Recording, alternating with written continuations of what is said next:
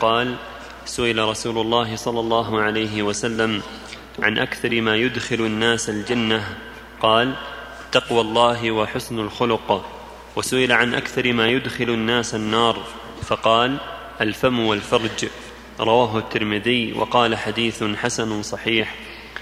وعنه قال قال رسول الله صلى الله عليه وسلم أكمل المؤمنين إيمانا أحسنهم خلقا. وخياركم خياركم لنسائهم. رواه الترمذي وقال حديث حسن صحيح. وعن عائشة رضي الله عنها قالت سمعت رسول الله صلى الله عليه وسلم يقول إن المؤمن ليدرك بحسن خلقه درجة الصائم القائم. رواه أبو داود. هذه الأحاديث ثلاثة كالتي قبلها في على إحسان الخلق. والتواضع وعدم الغلظة والتكلف وسوء المعاشرة. تقدم قوله صلى الله عليه وسلم البر حسن الخلق. ويقول صلى الله عليه وسلم هنا أكمل من إيمانا أحسنه خلقا وخياركم خياركم من نسائهم أكمل من إيمانا أحسنه خلقا. فمن كمال الإيمان إحسان الخلق مع الأهل ومع الإخوان ومع الأستاذ ومع الجيران ومع الجلساء ما يكون فظا غليظا ولا معبسا بل يكون حسن الخلق مع أهل بيته وجلسائه وإخوانه وزملائه وغيرهم. يقول صلى الله عليه وسلم أكثر ما يدخل الناس الجنة تقوى الله وحسن الخلق. لما سئل عن أكثر ما يدخل الناس الجنة قال تقوى الله وحسن الخلق. حسن الخلق من تقوى الله. وأكثر ما يدخل النار الأجوفان الفرج والفم أكثر ما يسبب دخول النار الفرج واللسان. الفرج والفم وفي هذا الحث على إحسان الخلق مع النساء خياركم خياركم لنسائهم. ولهذا في الحديث الآخر يقول صلى الله عليه وسلم استوصوا بالنساء خيرا. بعض الناس على امرأته كالنمر والأسد شديد عليها مكفهر مغلظ لا ينبغي هذا. بل ينبغي يكون لين الحديث مع أهله حسن الخلق طيب المحادثة مع أهله وهكذا الزوجة. يجب أن تكون كذلك طيبة الخلق حسنة الخلق طيبة المحادثة. كل منهما يتحرى الخير. ولهذا يقول صلى الله عليه وسلم استوصوا بالنساء خيرا. وحق الزوجة يجب أن يراعى وإن كان حق الزوج أكبر حق الزوج عظيم وحقه أكبر لكن يجب عليها ألا يظلم. بل يجب أن يكون متواضعا حسن الخلق يأخذ حقه ويعطي الحق. استوصوا بالنساء خيرا. والحديث الآخر يقول صلى الله عليه وسلم إن العبد لا يبلغ بالحسن الخلق بالحسن الخلق درجة الصائم القائم. وما ذاك الذي ما يترتب على حسن الخلق من الفوائد الكثيرة وقضاء الحاجات وحل المشاكل وإيناس الصديق والرفيق وغير هذا من المصالح. لأنه إذا كان حسن الخلق احتيج إليه وصار من أسباب حل المشاكل والتسوية بين الناس ورأب الصدع ولم الشعر يكون مباركا بحسن خلقه. وفق الله الجميع. وعن أبي أمامة الباهلي رضي الله عنه قال قال رسول الله صلى الله عليه وسلم أنا زعيم ببيت في ربض, في ربض الجنة لمن ترك المراء وإن كان محقا وببيت في وسط الجنة لمن ترك الكذب وإن كان مازحا وببيت في أعلى الجنة لمن حسن خلقه حديث صحيح رواه أبو داود بإسناد صحيح. الزعيم الضامن. وعن جابر رضي الله عنه أن رسول الله صلى الله عليه وسلم قال إن من أحبكم إلي واقرب وأقربكم مني مجلسا يوم القيامة أحاسنكم أخلاقا وإن أبغضكم إلي وأبعدكم مني يوم القيامة الثرثارون والمتشدقون والمتفيهقون. قالوا يا رسول الله قد علمنا الثرثارون والمتشدقون فما المتفيهقون؟ قال المتكبرون. رواه الترمذي وقال حديث حسن الثرثار هو كثير الكلام تكلفا والمتشدق المتطاول على الناس بكلامه ويتكلم بملء فيه تفاصحا وتعظيما لكلامه والمتفيهق أصله من الفهق وهو الامتلاء وهو الذي يملأ فمه بالكلام ويتوسع فيه ويغرب به تكبرا وارتفاعا وإظهارا للفضيلة على غيره. وروى الترمذي عن عبد الله بن المبارك رحمه الله في تفسير حسن الخلق قال هو طلاقة الوجه وبذل المعروف وكف الأذى. هذه الأحاديث التي قبلها في الحث على حسن الخلق والترغيب فيه وأن ينبغي المؤمن أن يحسن خلقه ويجاهد نفسه. ولهذا يقول صلى الله عليه وسلم أنا زعيم بيت في ربض الجنة لمن ترك المراء وإن كان محقا وأنا زعيم بيت في وسط الجنة لمن ترك الكذب وإن كان مازحا وأنا زعيم في بيت في أعلى الجنة لمن حسن خلقه. تحسين الخلق من أهم القربات. وكذا يقول صلى الله عليه وسلم إن أحبكم إلي وأقربكم من منزلة يوم القيامة أحاسنكم أخلاقا. هذا فيه الحث على إحسان الخلق والترغيب فيه. والتحذير من التشدق والتعظم بما لا يفيد والتفيق فالثرثارون والمتصدقون والمتفيقون هم هذا الكبر والتكلف. فالمؤمن ينبغي له يحسن خلقه يقول صلى الله عليه وسلم البر حسن الخلق. فتواضع وإحسان الخلق من من أهم القربات. ولهذا قال بعض السلف في حسن الخلق بذل المعروف وكف الأذى. وبذل الندى. فتحسين الخلق يتضمن كف الأذى عن الناس وبذل الندى وبذل المعروف الذي ينبغي بذله. وكل إنسان يستطيع أن يجاهد نفسه في تحسين خلقه وتواضعه والبعد عن التكبر والتبيغ نسأل الله الجميع التوفيق والهداية. باب الحلم والأناة والرفق. قال الله تعالى والكاظمين الغيظ والعافين عن الناس والله يحب المحسنين. باب الحلم والأناة والرفق. وقال تعالى خذ العفو وأمر بالعرف وأعرض عن الجاهلين. وقال تعالى ولا تستوي الحسنة ولا السيئة ادفع بالتي هي أحسن فإذا الذي بينك وبينه عداوة كأنه ولي حميم. وما يلقاها إلا الذين صبروا وما يلقاها إلا ذو حظ عظيم. وقال تعالى ولمن صبر وغفر إن ذلك لمن عزم الأمور. وعن ابن عباس رضي الله عنهما قال قال رسول الله صلى الله عليه وسلم لأشج عبد القيس إن فيك خصلتين يحبهما الله الحلم والأناه. رواه مسلم. وعن عائشة رضي الله عنها قالت قال رسول الله صلى الله عليه وسلم إن الله إن الله رفيق يحب الرفق في الأمر كله. متفق عليه. وعنها أن النبي صلى الله عليه وسلم قال إن الله رفيق يحب الرفق ويعطي على الرفق ما لا يعطي على العنف وما لا يعطي على ما سواه. رواه مسلم. وعنها أن النبي صلى الله عليه وسلم قال إن الرفق لا يكون في شيء إلا زانه ولا ينزع من شيء إلا شانه. رواه مسلم. هذه الآيات الكريمات والأحاديث المذكورة كلها تدل على فضل الحلم والأناة والرفق في الأمور وعدم الطيش والعجلة. السنة المؤمن في أموره يكون رفيقا حليما ذا أناة وتؤدة وتفكير وعدم عجلة.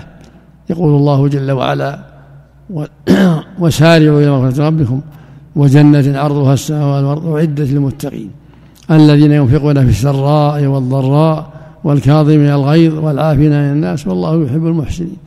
كظم الغيظ والعفو والصفح في خير عظيم. قال تعالى خذ العفو وأمر العرف واعرض عن الجاهلين. قال جل وعلا ولمن صبر وغفر إن ذلك لمن عزم الأمور. قال تعالى فمن عفا وأصلح فأجره على الله. فأنت عبد الله في حاجة إلى الرفق لأن الرفق يوصلك إلى غايات محمودة والعجلة تعقب الندامة وربما سببت مشاكل كبيرة. ولهذا يقول صلى الله عليه وسلم إن الله يحب, يحب الرفق في الأمر كله.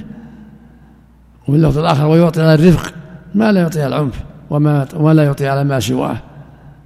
فينبغي للمؤمن أن يكون رفيقا فيما يأتي وفيما يذر.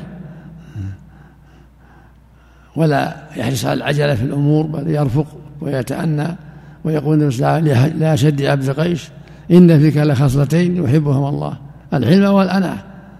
فالحلم والصبر والتحمل والأناة في الأمور فيها خير كثير وعواقب حميدة. ومن صفات الأخيار الحلم والأناة والرفق في الأمور وعدم العجلة في الأمور. رزق الله الجميع التوفيق والهداية. نعم. وعن أبي هريرة رضي الله عنه قال بال أعرابي في المسجد فقام الناس إليه ليقعوا فيه فقال النبي صلى الله عليه وسلم دعوه واريقوا على بوله سجلا من ماء أو ذنوبا من ماء فإنما بعثتم ميسرين ولم تبعثوا معسرين رواه البخاري. السجل بفتح السين المهملة وإسكان الجيم وهي الدلو الممتلئة ماء وكذلك الذنوب. وعن أنس رضي الله عنه عن النبي صلى الله عليه وسلم قال يسروا ولا تعسروا وبشروا ولا تنفروا. متفق عليه. وعن جرير بن عبد الله رضي الله عنه قال سمعت رسول الله صلى الله عليه وسلم يقول من يحرم, من يحرم الرفق يحرم الخير كله. رواه مسلم. هذه الأحاديث الثلاثة كالتي قبلها في الحث على الرفق. والحلم وعدم العجلة في الأمور فالرفق لا يكون لشيء إلا شأنه ولا ينزع من شيء إلا شأنه. فالواجب على الداعية إلى الله والأمر بالمعروف والنهي عن المنكر والأخ مع إخوانه الرفق في الأمور وعدم الغلظة وعدم الشدة لأن هذا أقرب إلى النفع أقرب إلى النجاح. ولهذا في هذا الحديث لما بال أعرابي المسجد هم به الصحابة لعظم ما فعل من البول. فقال صلى الله عليه وسلم لا تهزموه. دعوه. فلما فرق أعلمه النبي صلى الله عليه وسلم ووجهه وقال إن هذه المساجد لا يصفى فيها شيء من البول والقدر وإنما هي لذكر الله وقراءة القرآن والصلاة وأمرهم يصبوا على بول سجلة من ماء هذا في حد لكن لا سيما الأعراب جهال. فيعلمون بالرفق ويوجهون بالرفق. والحديث الثاني يقول صلى الله عليه وسلم يسروا ولا تعسروا وبشروا ولا تنفروا. مثل ما قال الحديث الأول إنما بعثتم ميسرين ولم تبعثوا معسرين. فالمؤمن هكذا يبشر ولا ينفر ييسر ولا يعسر. مهما أمكن في الدعوة إلى الله وتعليم الناس وتوجيههم إلى الخير وأمرهم بالمعروف والنهي عن كل ذلك بالتيسير والتسهيل والتبشير وعدم التنفير لأن هذا أقرب إلى النجاح وأقرب إلى الفائدة. فال المبشر والمنذر والمعلم يفرح ويستجيب مع الرفق ومع اللين ومع الكلام الطيب. وهكذا الحديث الآخر إن الله يعطي الرفق ما لا يعطي على العنف ولا ما ولا ما ولا ما على ما سواه. والحديث الآخر من يحرم الرفق يحرم الخير كله. فالواجب على الدعاة إلى الله والأمر بالمعروف والنهي عن المنكر وعلى جميع المسلمين تحري الرفق والصبر وعدم الغلظه في الأمور لأن هذا أقرب إلى النجاح وأقرب إلى النفع. نسأل الله الجميع التوفيق. نعم. على كل شيء. تقول عائشة رضي الله عنها ما خير النبي بين أمرين إلا اختار ايسرهما يعني أسهلهما على من يتعلق به الأمران. ومن انتقم لنفسه يعني يسمح ويعفو عليه الصلاة والسلام. إلا أن تنتهك حرمات الله فإنه يغضب لله عز وجل. وأما لنفسه فيسمح. قد جاءه أعرابي في بعض الأسفار فجره بقميصه برداءه حتى أثر في عاتقه. قال أعطني مما أعطاك الله. فإنك لم تعطني من مالك ولا مما لأبيك فضحك النبي صلى الله عليه وسلم ولم يعاقبه وأمر له بإعطائه المقصود أن الحلم والصبر والرفق هو المطلوب في في جميع الأمور. لا ينبغي للعبد أن يكون شديدا عنيفا بل يكون رفيقا حليما صبورا. في أموره كلها. الحديث الأخير. الحديث الأخير. كذلك يخبر النبي صلى الله عليه وسلم بأن يحرم على النار كل هين لين قريب سهل. يعني أهل التواضع والصفح والعفو من أسباب من أسباب دخول الجنة والسلام من النار.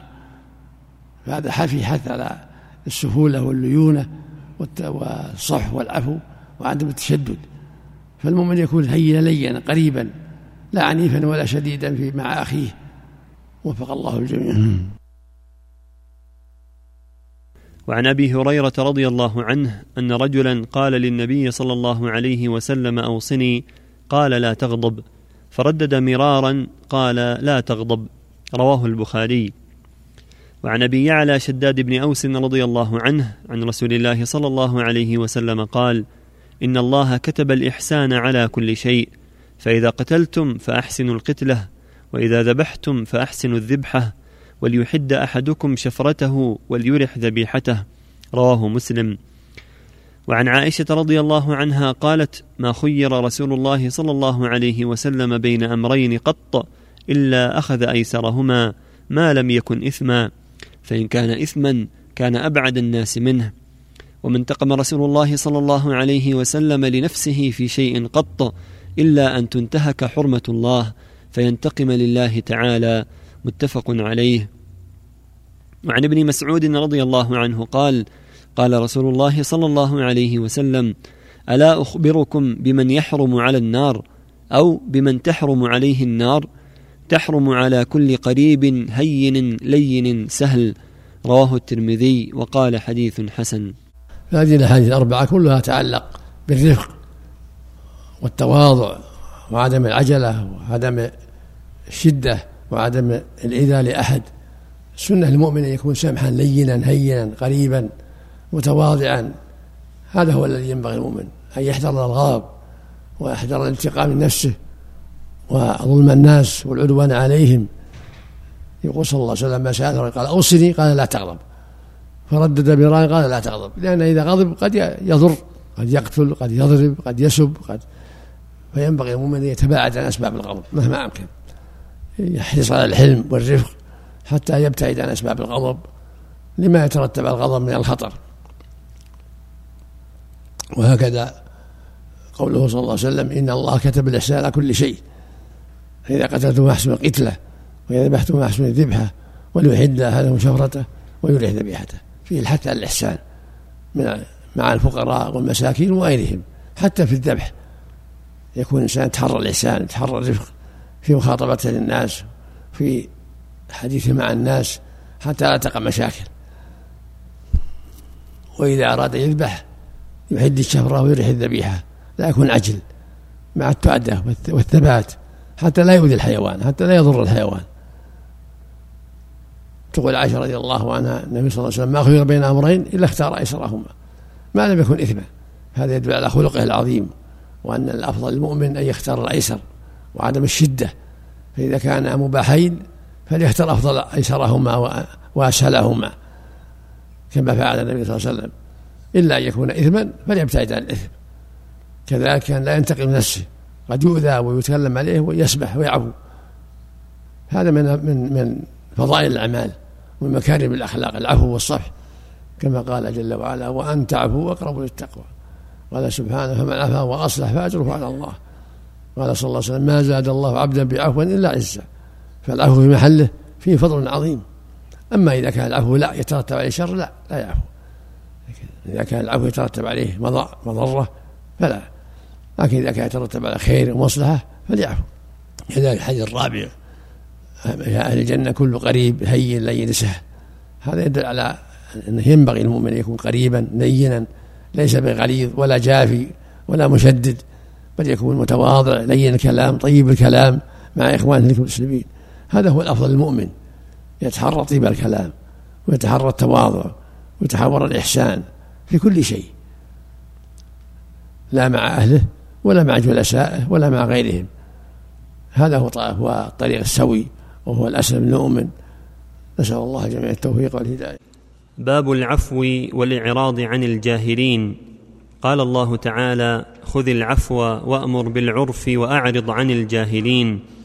وقال تعالى فاصفح الصفح الجميل. وقال تعالى وليعفوا وليصفحوا. ألا تحبون أن يغفر الله لكم؟ وقال تعالى والعافين عن الناس. والله يحب المحسنين. وقال تعالى ولمن صبر وغفر إن ذلك لمن عزم الأمور. والآيات في الباب كثيرة معلومة. وعن عائشة رضي الله عنها أنها قالت للنبي صلى الله عليه وسلم هل أتى عليك يوم كان أشد من يوم أحد؟ قال لقد لقيت من قومك وكان أشد ما لقيت منهم يوم العقبة. إذ عرضت نفسي على ابن عبد ياليل بن عبد كلال فلم يجبني إلى ما أردت. فانطلقت وأنا مهموم على وجهي فلم أستفق إلا وأنا بقرن الثعالب فرفعت رأسي فإذا أنا بسحابة قد أضلتني فنظرت فإذا فيها جبريل عليه السلام فناداني فقال إن الله تعالى قد سمع قول قومك لك وما ردوا عليك وقد بعث إليك ملك الجبال لتأمره بما شئت فيهم فناداني ملك الجبال فسلم علي ثم قال يا محمد إن الله قد سمع قول قومك لك وأنا ملك الجبال وقد بعثني ربي إليك لتأمرني بأمرك فما شئت إن شئت أطبقت عليهم الأخشبين. فقال النبي صلى الله عليه وسلم بل أرجو أن يخرج الله من أصلابهم من يعبد الله وحده لا يشرك به شيئا. متفق عليه. الأخشبان الجبلان المحيطان بمكة والأخشب هو الجبل الغليظ. وعنها قالت ما ضرب رسول الله صلى الله عليه وسلم شيئا قط بيده ولا امرأة ولا خادما إلا أن يجاهد في سبيل الله. وما نيل منه شيء قط فينتقم من صاحبه إلا أن ينتهك شيء من محارم الله تعالى فينتقم لله تعالى. رواه مسلم.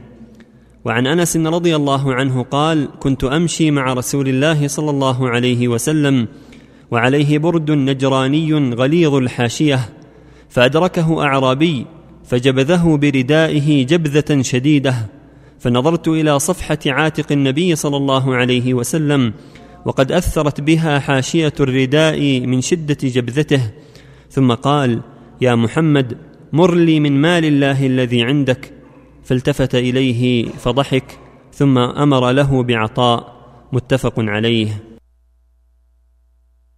هذه الآيات الكريمات والأحاديث النبوية كلها تعلق بالعفو والصفح وعدم الانتقام مهما أمكن يرجو ما عند الله من الثواب. فالمؤمن من صفته أنه عفو وأنه صفوح فينبغي له التخلق بأخلاق نبيه صلى الله عليه وسلم وبأخلاق المؤمنين. قال تعالى خذ العفو وأمر بالعرف وأعرض عن الجاهلين. قال تعالى في وصف المتقين والكاظمين الغيظ والعافين عن الناس. قال تعالى فاصفح الصفح الجميل. قال تعالى فليعفوا وليصفحوا ألا تحبون أن يغفر الله لكم وأن الله غفور رحيم. وذكر المؤلف رحمه قصة أهل مكة فإنهم اشتد أذاهم من النبي صلى الله عليه وسلم وهو يدعوهم إلى الله ويدعوهم إلى توحيد الله ويحذرهم من نقمة الله. فلما اشتد أذاهم له ذهب على وجهه إلى أعلى مكة ظاهر مكة فناداه جبرائيل وقال إن الله قد سمع كلام قومك لك وإن الله قد أرسل إليك ملك الجبال لتأمره بما ترى في شأنهم. يعني من التعذيب. فكلمه ملك ملك الجبال وسلم عليه وقال إن الله أمرني أن أمتثل أمرك. إن شئت أطبقت عليهم الأخشبين. جبال مكة. فقال بل أستعني بهم. يعني بل أعفو. وأصفح لعل الله يخرج من أصلابهم. من يعبد الله لا يشرك شيئا. مع شدة أذاهم له. صفاح يرجو أن الله يخرج من أصلابهم. من يعبد الله وقد حصل ذلك والحمد لله. وتقول رضي الله عنها ما كان ينتقم نفسه.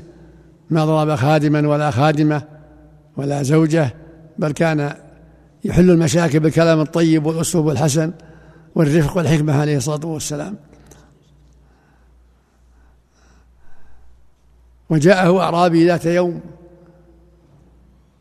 وعليه رداء له حاشية. فجذبه الأعرابي بحاشية الرداء وقال مر لي بشيء من مال الله الذي عندك. فالتفت إليه النبي صلى الله عليه وسلم وضحك وأمر له بإعطاء ولم يعاقبه. قال رضي الله عنه كان لا ينتقم نفسه ويعفو ويصفح إلا أن يقاتل في سبيل الله عليه الصلاة والسلام. فهذا فيه الدلالة على أن الأفضل للمؤمن في حق نفسه إذا أساء إليه المعاملة أخوه أو جاره أو قريبه أو صديقه أو غيرهم أن يصفح ويعفو حيث أمكن ذلك تأسيا بالنبي صلى الله عليه وسلم وبالمؤمنين. أما حدود الله وحق الله لا لا بد يؤدى حق الله. حدود الله لا يصفح عنها بل تقام لكن حق المخلوق وما يتعلق بحقه فلا بأس إذا صفح. عن حقه أو بعض حقه. وفق الله جميعا. وعن ابن مسعود رضي الله عنه قال كأني أنظر إلى رسول الله صلى الله عليه وسلم يحكي نبيا من الأنبياء صلوات الله وسلامه عليهم ضربه قومه فأدموه وهو يمسح الدم عن وجهه ويقول اللهم اغفر لقومي فإنهم لا يعلمون. متفق عليه. وعن أبي هريرة رضي الله عنه أن رسول الله صلى الله عليه وسلم قال ليس الشديد بالصرعه إنما الشديد الذي يملك نفسه عند الغضب. متفق عليه. باب احتمال الأذى. قال الله تعالى والكاظمين الغيظ والعافين عن الناس والله يحب المحسنين. وقال تعالى ولمن صبر وغفر إن ذلك لمن عزم الأمور. وفي الباب الأحاديث السابقة في الباب قبله. وعن أبي هريرة رضي الله عنه أن رجلا قال يا رسول الله إن لي قرابة أصلهم ويقطعوني وأحسن إليهم ويسيئون إلي وأحلم عنهم ويجهلون علي. فقال لئن كنت كما قلت فكأنما تسفهم المل ولا يزال معك من الله تعالى ظهير عليهم ما دمت على ذلك. رواه مسلم وقد سبق شرحه في باب صلة الأرحام. هذه الآيات والأحاديث فيها الحث على الصفح والحلم والعفو وكرم الغيظ وتحمل الأذى. المسلم مع إخوانه يتحمل الأذى ومع الجاهل أيضا. يقول الله جل وعلا وسارعوا إلى مغفرة من ربكم. وجنة عرضها السماوات والأرض وعدة المتقين الذين ينفقون في السراء والضراء والكاظمين الغيظ والعافية عن الناس. ويقول عز وجل ولا من صبر وغفر إنما إن ذلك لمن عزم الأمور. ذكر النبي صلى الله عليه وسلم نبيا من الأنبياء ضربه قوم فأدموه وجعل يمسح الدم عن وجهه ويقول اللهم اغفر لقومي فإنهم لا يعلمون. وقد أوذي النبي صلى الله عليه وسلم في مكة أذى كثيرا فصبر وتحمل فينبغي المؤمن أن يتحمل وأن يصبر على الأذى كما صبر الأنبياء وكما صبر الأخيار. والله جل وعلا يقول فليعفوا وليصفحوا ولا تحبون أن يغفر الله لكم. الحديث الأخير. نعم. نعم. كذلك حديث صلة الرحم. صلة الرحم من أهم القربات. يقول النبي صلى الله عليه وسلم لا يدخل الجنة قاطع رحم. ويقول صلى الله عليه وسلم من أحب أن يبسط له في رزقه وأن ينسأ له في أجله فليصل رحمه. ويقول رجل يا رسول الله إن لي قرابة أصلهم ويقطعونني وأحسن إليهم ويسيئون إلي وأحلم عنهم ويسيئون علي. فقال لئن كنت كما قلت كأنما تسف المل ولا يزال معك من الله ظهير عليهم ما دمت على ذلك. فهذا فيه الحث على جفاء الأقارب وسوء معاملتهم وأن يعاملهم بالأفضل وأن يكون خيرا منهم. حتى يكون له الفضل. ويقول صلى الله عليه وسلم ليس الواصل بالمكافي ولكن الواصل باب الغضب إذا انتهكت حرمات الشرع والانتصار لدين الله تعالى. الغضب إذا انتهكت حرمات الشرع والانتصار لدين الله تعالى. قال الله تعالى ومن يعظم حرمات الله فهو خير له عند ربه وقال تعالى إن تنصروا الله ينصركم ويثبت أقدامكم. وفي الباب حديث عائشة السابق في باب العفو. وعن أبي مسعود عقبة بن عمرو البدري رضي الله عنه قال جاء رجل إلى النبي صلى الله عليه وسلم فقال إني لأتأخر عن صلاة الصبح من أجل فلان مما يطيل بنا.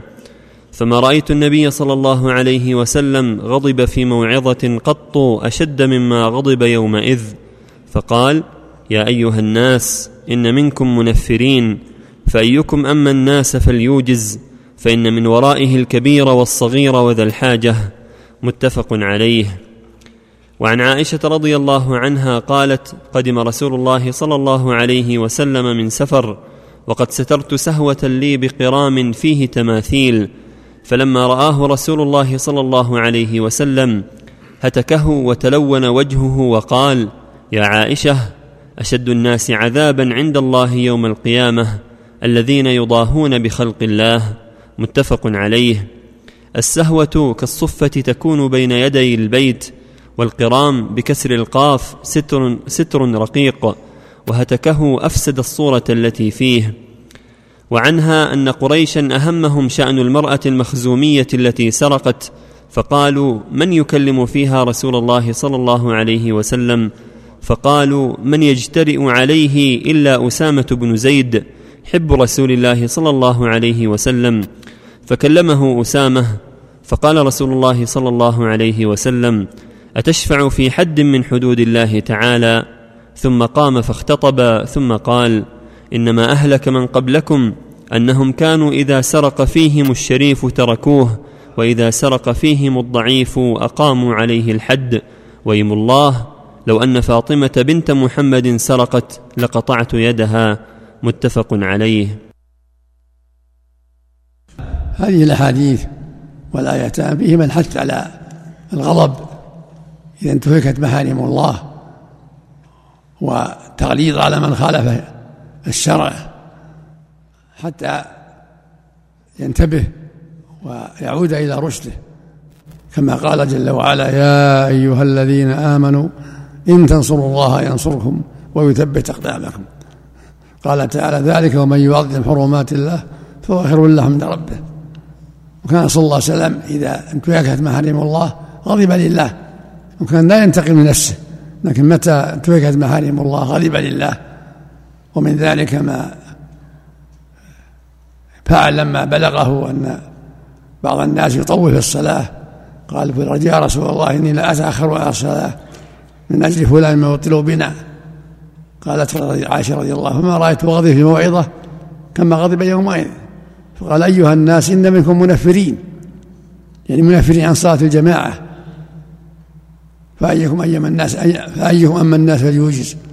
فإن فيهم الصغير والكبير والضعيف وذا الحاجة.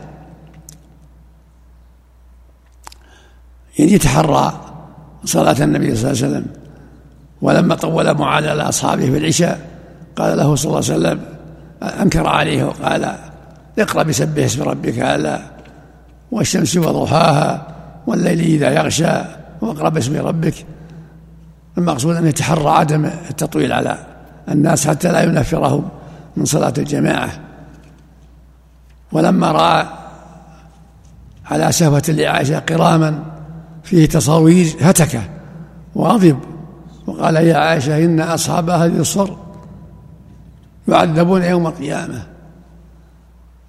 ويقال في اللفظ الآخر أشد الناس عذابا يوم القيامة الذين يضاهئون بخلق الله. فالواجب الحذر مما نهى الله عنه والواجب على المؤمن أن يتحرى في موعظته وأمره بالمعروف ونهي المنكر حدود الله. ولما سرقت امرأة من مخزوم من قريش أهم الناس أهم قريش أمرها وأحب ألا تقطع يدها. وكان هذا يوم الفتح فقال من يشفع فيها إلا رسول الله صلى الله عليه وسلم. قال ومن يستطيع ذلك إلا أسامة حب رسول الله. فتقدم أسامة فيها فغضب النبي صلى الله عليه وسلم. وقال أتشفعوا في حد من حدود الله؟ إنما هلك من كان قبلكم أنه كان إذا سرق فيهم الشريف تركوه. وإذا سرق فيهم الضعيف أقاموا عليه الحد. ويم الله لو أن فاطمة بنت محمد سرقت لقطعت بيدها. فهذا فيه الحذر من الشفاعة في الحدود وأن الواجب تنفيذها وأن لا يجوز التفاعة بها لا حد الزنا ولا حد السرقة ولا غيره من الحدود كحد الخمر ونحو ذلك. وفق الله الجميع نعم. حكم التصوير بآلة الفيديو كاميرا الفيديو مثل ما سمعت التصوير لا يجوز. نعم. النظر إليها شيخ. تصوير لا يجوز. أما النظر إذا جاءت المصلحة كان محاضرات وفوائد. وعن أنس رضي الله عنه أن النبي صلى الله عليه وسلم رأى نخامة في القبلة فشق ذلك عليه حتى رؤي في وجهه فقام فحكه بيده.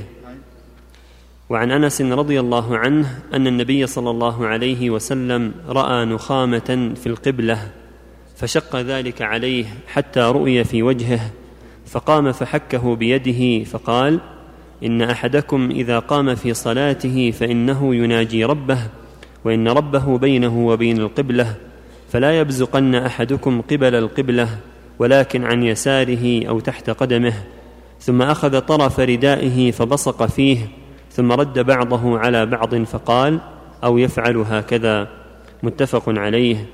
والأمر بالبصاق عن يساره أو تحت قدمه هو فيما إذا كان في غير المسجد فأما في المسجد فلا يبصق إلا في ثوبه. باب أمر ولاة الأمور بالرفق برعاياهم ونصيح ونصيحتهم والشفقة عليهم والنهي عن غشهم والتشديد عليهم وإهمال مصالحهم والغفلة عنهم وعن حوائجهم. قال الله تعالى واخفض جناحك لمن اتبعك من المؤمنين وقال تعالى إن الله يأمر بالعدل والإحسان وإيتاء ذي القربى وينهى عن الفحشاء والمنكر والبغي يعظكم لعلكم تذكرون وعن ابن عمر رضي الله عنهما قال سمعت رسول الله صلى الله عليه وسلم يقول كلكم راع وكلكم مسؤول عن رعيته الإمام راع ومسؤول عن رعيته والرجل راع في أهله ومسؤول عن رعيته والمرأة راعية في بيت زوجها ومسؤولة عن رعيتها والخادم راع في مال سيده ومسؤول عن رعيته وكلكم راع ومسؤول عن رعيته. متفق عليه. وعن أبي يعلى معقل بن يسار رضي الله عنه قال سمعت رسول الله صلى الله عليه وسلم يقول ما من عبد يسترعيه الله رعية يموت يوم يموت وهو غاش لرعيته إلا حرم الله عليه الجنة متفق عليه. وفي رواية فلم يحطها بنصحه لم يجد رائحة الجنة. وفي رواية لمسلم ما من أمير يلي أمور المسلمين ثم لا يجهد لهم وينصح لهم إلا لم يدخل معهم الجنة. الحديث الأول يدل على أن الواجب على المؤمن في الصلاة الخشوع فيها والطمأنينة وألا يقدر المسجد بشيء. فإذا عرض الله عارض فلا يبصقن أمامه في المسجد. ولا في الصلاة. فإنه إذا قام يصلي فإنه يناجي ربه. فلا يبصقن أمامه ولا عن يمينه. ولكن عن شماله أو تحت قدمه. أو بقول هكذا ويبصق في طرف ثوبه. فالمساجد مأمور بتنظيفها وتطييبها أمر رسول ببناء المساجد في الدور وأن تنظف وتطيب. فإذا دعت الحاجة للبصاق فليكن في ثوبه. وإذا كان خارج المسجد تحت قدمه اليسرى عن يساره عند الحاجة أو في طرف ردائه. لا بأس. في الآيتين الكريمتين والأحاديث الأخرى الدلالة على وجوب العناية بالرعية وعلى وجوب العناية بنصحهم وتوجيههم إلى الخير ودفع الشر عنهم. قال تعالى واخفض جناحك لمن اتبعك من المؤمنين. قال تعالى إن الله يأمر بالعدل والإحسان. قال تعالى فاتقوا الله ما استطعتم واسمعوا وأطيعوا. يقول صلى الله عليه وسلم ما من عبد يسترعيه الله رعية يموت يوم يموت وهو غاش لرعيته إلا لم يدخل معه الجنة. وفي لفظ لم يحطهم بنصفه الواجب على الأمير والسلطان أن يعتني بالرعية وأن يجتهد في أسباب السعادة لهم وأمرهم بالمعروف ونهي عن المنكر وتحكيم شرع الله فيهم. ولهذا يقول صلى الله عليه وسلم كلكم راع وكلكم مسؤول رعيته. فالإمام راع ومسؤول رعيته والرجل راع في أهل بيته ومسؤول رعيته والمرأة راعية في بيت زوجها ومسؤول رعيته والعبد راع فيما سيده ومسؤول رعيته ألا فكلكم راع وكلكم مسؤول رعيته فالواجب على الأمير وشيخ القبيلة والسلطان والملك كل من كل من له ولاية الواجب عليه أن يجتهد في النصح وأن يعتني برعيته وأن يحوطها بالنصح وأن يبتعد عن غشها. يرجو ثواب الله ويخشى عقاب الله. وفق الله الجميع اليوم هذا هو اليوم الثامن من عاشور والنبي صلى الله عليه وسلم قد رغب في صوم يوم عاشوراء وكان يصوم عليه الصلاة والسلام وقال ويقول إن الله يكف به السنة التي قبله وهو يوم نجى الله فيه موسى وقومه واهلك فرعون وقومه فيسحب صيامه وهذا هو اليوم الثامن والأحد غدا هو اليوم التاسع والاثنين هو اليوم العاشر فيسحب صوم الأحد والاثنين أو صوم الاثنين والثلاثة أو صوم الثلاثة مستحب لمن أحب ذلك وفق الله الجميع وعن عائشة رضي الله عنها قالت سمعت رسول الله صلى الله عليه وسلم يقول في بيتي هذا اللهم من ولي من أمر أمتي شيئا فشق عليهم فاشقق عليه ومن ولي من أمر أمتي شيئا فرفق بهم فارفق به. رواه مسلم. وعن أبي هريرة رضي الله عنه قال قال رسول الله صلى الله عليه وسلم كانت بنو إسرائيل تسوسهم الأنبياء كلما هلك نبي خلفه نبي وإنه لا نبي بعدي وسيكون بعدي خلفاء فيكثرون. قالوا يا رسول الله فما تأمرنا؟ قال أوفوا ببيعة الأول فالأول ثم أعطوهم حقهم واسألوا الله الذي لكم فإن الله سائلهم عما استرعاهم متفق عليه. وعن عائذ بن عمرو رضي الله عنه أنه دخل على عبيد الله بن زياد فقال له أي بني إني سمعت رسول الله صلى الله عليه وسلم يقول إن شر الرعاء الحطمة فإياك أن تكون منهم. متفق عليه. وعن أبي مريم الأزدي رضي الله عنه أنه قال لمعاوية رضي الله عنه سمعت رسول الله صلى الله عليه وسلم يقول من ولاه الله شيئا من أمور المسلمين فاحتجب دون حاجتهم وخلتهم وفقرهم احتجب الله دون حاجته وخلته وفقره يوم القيامة فجعل معاوية رجلا على حوائج الناس رواه أبو داود والترمذي.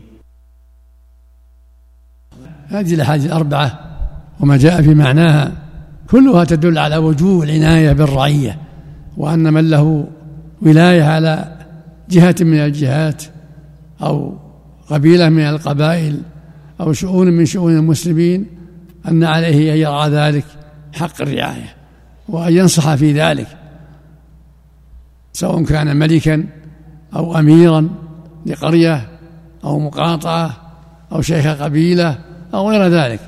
الواجب عليه أن يتقي الله وأن يراقب الله فيما تحت يده وأن يرفق بهم وينظر في حوائجهم ويرحم فقيرهم وينصف مظلومهم إلى غير ذلك. تقول عائشة رضي الله عنها يقول النبي صلى الله عليه وسلم اللهم من ولي من أمر أمتي شيئا فرفق به فرفق بهم فارفق به. اللهم من ولي من أمر أمتي شيئا فشق عليهم فاشفق عليه. هذا وعيد عظيم. فالواجب على كل مسؤول سواء مدير مصلحة أو مدير شركة أو أمير مقاطعة أو أمير بلد أو شيخ قبيلة أو السلطان وما أشبه ذلك. كل واحد عليه يتقي الله فيما ولي وأن ينصح لله ولعباده وأن يرفق بالرعية وأن لا يشق عليهم. هذا هو الواجب على الجميع. رجع ما عند الله وهذر عقوبته. وتقدم قول صلى الله عليه وسلم اللهم من ولي من أمر شيء من أمر أمتي شيئا فلم يحطهم من ولي من امتي شيئا فلم يحطهم بنصحه لم يدخل معهم الجنة. في اللفظ الآخر ما من عبد يشترى إلا له رعية. يموت, يموت يوم يموت وهو غاش لرعيته إلا لم يدخل معهم الجنة. فالواجب الحذر. واجب الحذر من ظلم الرعية والتساهل في حقها. وفي الحديث الآخر يقول صلى الله عليه وسلم إن شر الرعاية الحطمة إن شر الرعاية الحطمة يعني الذي يحترم الرعية ولا يبالي. واللفظ الآخر يقول عليه الصلاة والسلام من ولى من أمر من أمر أمتي شيئا فاحتجب عن حاجتهم وفقرهم استجاب الله عن حاجته وفقره يوم القيامة. فينبغي المؤمن الحذر وأن يعتني بالرعية ويعتني من تحت يده بكل ما يستطيع من الرفق وقضاء الحوائج وإنصاف المظلوم ورد الظالم وغير هذا من وجوه الخير. رزق الله الجميع التوفيق والهداية. النصيحة لولاة الأمور بدعوة لهم؟ يكون يدعو لهم في السر والغيب. يدعو لهم بالهداية والتوفيق وإذا كان له وجاهة بالمكاتبة والنصيحة. وتحريم طاعتهم في المعصية. قال الله تعالى يا أيها الذين آمنوا أطيعوا الله وأطيعوا الرسول وأولي الأمر منكم. وعن ابن عمر رضي الله عنهما عن النبي صلى الله عليه وسلم قال على المرء المسلم السمع والطاعة فيما أحب وكره إلا أن يؤمر بمعصية فإذا أمر بمعصية فلا سمع ولا طاعة. متفق عليه. وعنه قال كنا إذا بايعنا رسول الله صلى الله عليه وسلم على السمع والطاعة يقول لنا فيما استطعتم. متفق عليه. وعنه قال سمعت رسول الله صلى الله عليه وسلم يقول من خلع يدا من طاعة لقي الله يوم القيامة ولا حجة له ومن مات وليس في عنقه بيعة مات ميتة جاهلية رواه مسلم. وفي رواية له ومن مات وهو مفارق للجماعة فإنه يموت ميتة جاهلية الميتة بكسر الميم هذه الآية الكريمة مع الأحاديث كلها تدل على وجوب السمع والطاعة. لولاة الأمور في المعروف لأن بذلك تستقيم أمور الرعية ويستقيم أمر الناس وينصف الظالم من المظلوم وتؤدى الحقوق. أما مع الاختلاف مع ولاة الأمور فإنها تفسد الأحوال ويختل المجتمع ويسوده الفوضى. ولهذا قال جل وعلا يا أيها الذين آمنوا أطيعوا الله وأطيعوا الرسول وأولي الأمر منكم. فأمر بطاعة أولي الأمر. وهم الأمراء والملوك. وهكذا من كان له أمر. كشيخ القبيلة في قبيلته مدير مدير المدرسة مدير الشركة كلنا في جهته في المعروف جاءت السنة عن النبي صلى الله عليه وسلم تقيد هذا الأمر بالمعروف. الآية مطلقة وجاءت السنة مقيدة بالمعروف. إنما الطاعة في المعروف. لا لا طاعة المخلوق بس الخالق كما في حديث عمر. يقول صلى الله عليه وسلم على المرء السمع والطاعة فيما أحب وكره. ما لم يؤمر بمعصية الله فإذا أمر بمعصية الله فلا سمع ولا طاعة. ويقول صلى الله عليه وسلم من مات وليس يبيع بيعه لقي الله ولا حجة له. ومن مات ولم ولا وليس ولم يتم له بيعة مات ميتة جاهلية. يعني ليس في عنقه بيعة مات ميتة جاهلية. فالواجب على الرعية السمع والطاعة في المعروف والحذر من الإخلال بالأمن لأن ذلك يسبب شرا عظيما على المجتمع. وكذلك لابد من مراعاة الاستطاعة. كانوا إذا بايعوا النبي يقول فيما استطعتم؟ كما قال الله تعالى فاتقوا الله ما استطعتم. فعليهم أن يطيعوا ولاة الأمور فيما استطاعوا. وفي طاعة الله لا في لا في المعصية. شرطان الشرط الأول أن يكون ذلك في المعروف. والشرط الثاني يكون ذلك حسب الطاقة. فاتقوا الله ما استطعتم. وفق الله الجميع. نعم. عليك شيخ؟ الذين يسبون الولاية يؤدبون. ما ينبغي لا ينبغي الدعاء لهم بالتوفيق والهداية. ينبغي الدعاء لهم بالتوفيق والهداية. نعم. وعن أنس رضي الله عنه قال قال رسول الله صلى الله عليه وسلم اسمعوا وأطيعوا وإن استعمل عليكم عبد حبشي كأن رأسه زبيبة. رواه البخاري. وعن أبي هريرة رضي الله عنه قال قال رسول الله صلى الله عليه وسلم عليك السمع والطاعة في عسرك ويسرك ومنشطك ومكرهك وأثرة عليك. رواه مسلم. وعن عبد الله بن عمرو رضي الله عنهما قال كنا مع رسول الله صلى الله عليه وسلم في سفر فنزلنا منزلا فمنا من يصلح خباءه ومنا من ينتضل ومنا من هو في جشره إذ نادى منادي رسول الله صلى الله عليه وسلم الصلاة جامعة.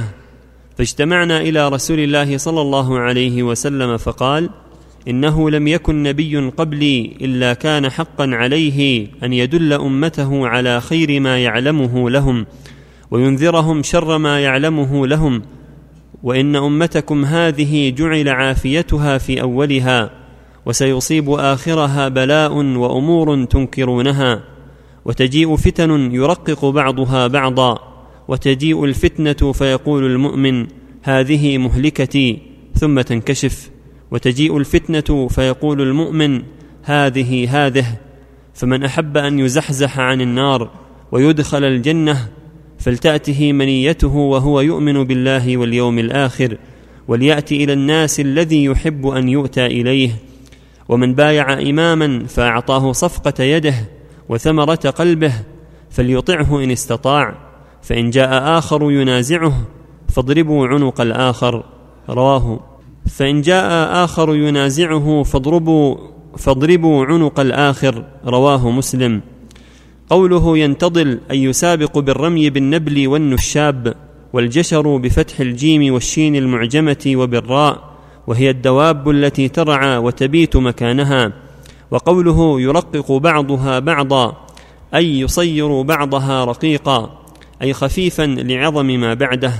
فالثاني يرقق الأول وقيل معناه يسوق بعضها إلى بعض بتحسينها وتسويلها وقيل يشبه بعضها بعضا. فهذه الأحاديث الثلاثه وما جاء في معناها قبلها وبعدها كلها تدل على وجوب السمع والطاعة. والله يقول جل وعلا فاتقوا الله ما استطعتم واسمعوا واطيعوا. ويقول النبي صلى الله عليه وسلم اسمعوا واطيعوا وإن تأمر عليكم عبد حبشي كان رأسه زبيبة. ويقول على المرء السمع والطاعة فيما أحب وكره وفي عسره يسره. وخطبهم عليه الصلاة ذات يوم فقال ما بعث الله من نبي إلا كان حقا عليه أن يدل أمته على خير ما يعلمه لهم وينذرهم شر ما يعلمه لهم. وإن أمتكم هذه جعلت عافيتها في أولها وسيصيب آخرها بلاء وأمور تنكرونها. فمن أحب أن يزحزح عن النار ويدخل الجنة فلتدرك فلتدركه منيته ويؤمن بالله واليوم الآخر. وليأتي الناس الذي يحب أن يؤتى إليه. يعني يعامل الناس كما يحب أن يعامل. ينصح ويرفق ويتكلم بكلام طيب ويتباعد عن الغلظة والشدة وسوء الكلام. ثم ذكر ما يجب للسلطان وأن من أعطى السلطان صفقة يمين فليطعه ما استطاع. هذا الواجب على الرعية السمع والطاعة لولاة الأمور. ما لم يؤمروا بمعصية الله كما في الروايات الأخرى. فأما إذا أمروا بمعصية الله فلا سمع ولا طاعة السمع والطاعة في المعروف. وبالسمع والطاعة يجمع الله الكلمة ويسود الأمن وينصف المظلوم ويردع الظالم وتسير الأمور على خير الأمور على خير وجه. أما مع العصيان والمخالفة والاختلاف فإن الأمن يختل والفتن تكثر ويكثر الظلم والطغيان ويقل الأمن ولا ينصف المظلوم ولا يردع الظالم. فالواجب على جميع المسلمين التعاون على البر والتقوى والتواصي بالحق والسمع والطاعة لولاة أمرهم في المعروف مع النصيحة والدعاء لهم بظهر الغيب. وفق الله الجميع. إذا كان ما بينك وبين شر أما إن كان سمحت له بالدش فعليك إثم. وعن أبي هنيدة وائل بن حجر رضي الله عنه قال سأل سلمة بن يزيد الجعفي رسول الله صلى الله عليه وسلم فقال يا نبي الله أرأيت إن قامت علينا أمراء يسألون حقهم ويمنعون حقنا فما تأمرنا؟ فأعرض عنه ثم سأله فقال رسول الله صلى الله عليه وسلم اسمعوا وأطيعوا فإنما عليهم ما حملوا وعليكم ما حملتم. رواه مسلم. وعن عبد الله بن مسعود رضي الله عنه قال قال رسول الله صلى الله عليه وسلم إنها ستكون بعدي أثرة وأمور تنكرونها. قالوا يا رسول الله كيف تأمر من أدرك منا ذلك؟ قال تؤدون الحق الذي عليكم وتسألون الله الذي لكم متفق عليه. وعن أبي هريرة رضي الله عنه قال قال رسول الله صلى الله عليه وسلم من أطاعني فقد أطاع الله ومن عصاني فقد عصى الله ومن يطع الأمير فقد أطاعني ومن يعص الأمير فقد عصاني متفق عليه. هذه الأحاديث التي قبلها في وجوب السمع والطاعة لولاة الأمور وأن الواجب على الرعية السمع والطاعة. وإن ظلموا وإن تعدي عليهم عليهم السمع والطاعة في المعروف. مثل ما قال صلى الله اسمعوا وأطيعوا. وإن تأمر عليهم عبد. فالواجب على على ولاة الأمور أن يعدلوا وأن يتقوا الله وأن ينصروا الرعية وأن يحرصوا على مصالحهم وعلى الرعية يسمعوا ويطيعوا. وأن لا ينازعوا الأمر أهله لأن في المنازعة والفتن اختلال الأمن وعدم نصر المظلوم وإعانة الظالم على ظلمه فالواجب السمع والطاعة لولاة الأمور في المعروف والحذر من نزع اليد من الطاعة. فإنما عليكم ما حملتم وعليهم ما حملوا. نسأل الله الجميع الهداية. نعم. اللهم المستعان